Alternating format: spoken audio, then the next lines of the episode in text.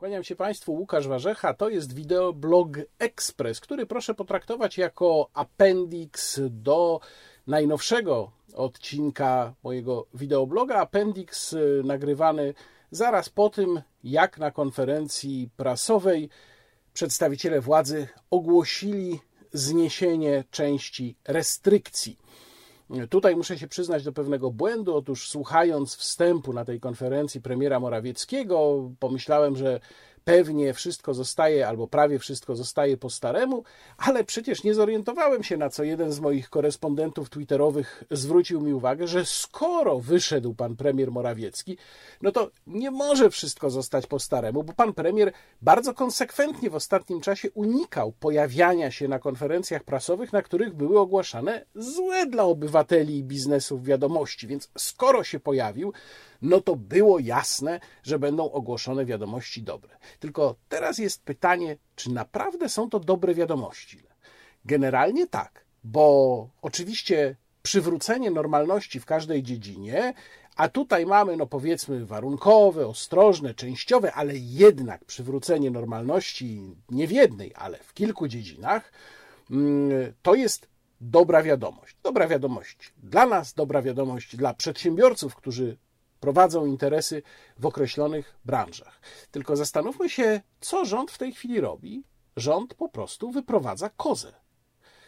Dokładnie tak, jak w starym Szmoncesie. Nie będę go tutaj Państwu streszczał, ale wszyscy go znają. Kiedy koza została wyprowadzona, to się okazało, że nagle jest cisza, spokój, wszystko wspaniale, aż się chce żyć. I to jest właśnie taka sytuacja. Pytanie, dlaczego rząd wyprowadza kozę? Bo przecież wszystko, co do tej pory wiedzieliśmy, wskazuje, że nie dlatego, że nagle przeanalizował inne badania niż te z Nature, e, albo nie dlatego, że nagle pomyślał, no trzeba ulżyć tym biednym przedsiębiorcom, bo przedsiębiorcami się ten rząd w ogóle nie przejmuje. Nie. To jest taktyczne wycofanie się, taktyczne wycofanie się wobec nieuchronnej groźby skrajnej kompromitacji. Bo co się zaczęło dziać w ostatnim czasie? Skala otwarć biznesów wbrew rządowym restrykcjom była ogromna, znacznie, znacznie większa niż rządzący chcieli przyznać w swoich wypowiedziach i oświadczeniach. Po drugie, przedsiębiorcy mieli wsparcie prawne. Przedsiębiorcy mieli prawników, do których mogli zadzwonić. Przedsiębiorcy nauczyli się tekstów, ustaw, rozporządzeń, numerów dzienników ustaw i zaczęli być trudnym przeciwnikiem dla sanepidu czy policji. Przedsiębiorcy zaczęli wygrywać masowo sprawy w sądach. Oczywiście te dotyczące jeszcze wcześniejszego okresu, ale jednak przecież podstawy prawne obecnych restrykcji są takie same, jak były Y, na wiosnę. Przedsiębiorcy dostali wsparcie od obywateli. Okazało się, że nie da się wszystkich zastraszyć. Dodatkowo prawdopodobnie, tu mówię prawdopodobnie, bo sygnały o tym są, no powiedzmy, ograniczone ze względu na naturę tych instytucji, prawdopodobnie istniała też groźba coraz większej obstrukcji tych działań ze strony samych urzędników czy funkcjonariuszy, którzy niekoniecznie musieli mieć ochotę występować w takiej roli. No i biorąc to wszystko pod uwagę, władzy zaczęła grozić potężna kompromitacja. Więc co władza zrobiła? No, sięgając po rozum do głowy, w ostatniej chwili pomyślała, jak się sami wycofamy, to przynajmniej nie będzie to wyglądało tak, że jesteśmy kompletnie bezsilni. Niech to wygląda tak, że to my im pozwalamy, a nie, że sami sobie pozwolili, czyli taktyczne wycofanie się. No i jeszcze jedna korzyść, którą władza osiąga. Dzieli przedsiębiorców, bo najbardziej pokrzywdzone branże, które nadal pozostają zamrożone, czyli gastronomia i fitness, który przecież też masowo się zaczął otwierać, no w naturalny sposób utracą dużą część wsparcia ze strony tych przedsiębiorców z pozostałych branż, którym pozwolono już działać. Więc, jak zwykle, divide et impera. I teraz, co jest, myślę, w tej sytuacji bardzo ważne? Po pierwsze, mieć świadomość, że to nie jest jakaś łaska rządzących. Rządzący naprawdę nie zrobili nam tutaj ani nikomu łaski.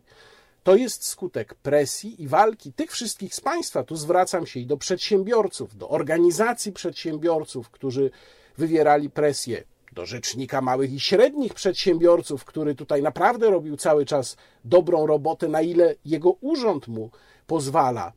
Zwracam się do wszystkich obywateli, którzy popierali przedsiębiorców, do wszystkich przedsiębiorców, którzy się sami zorganizowali. To jest państwa sukces.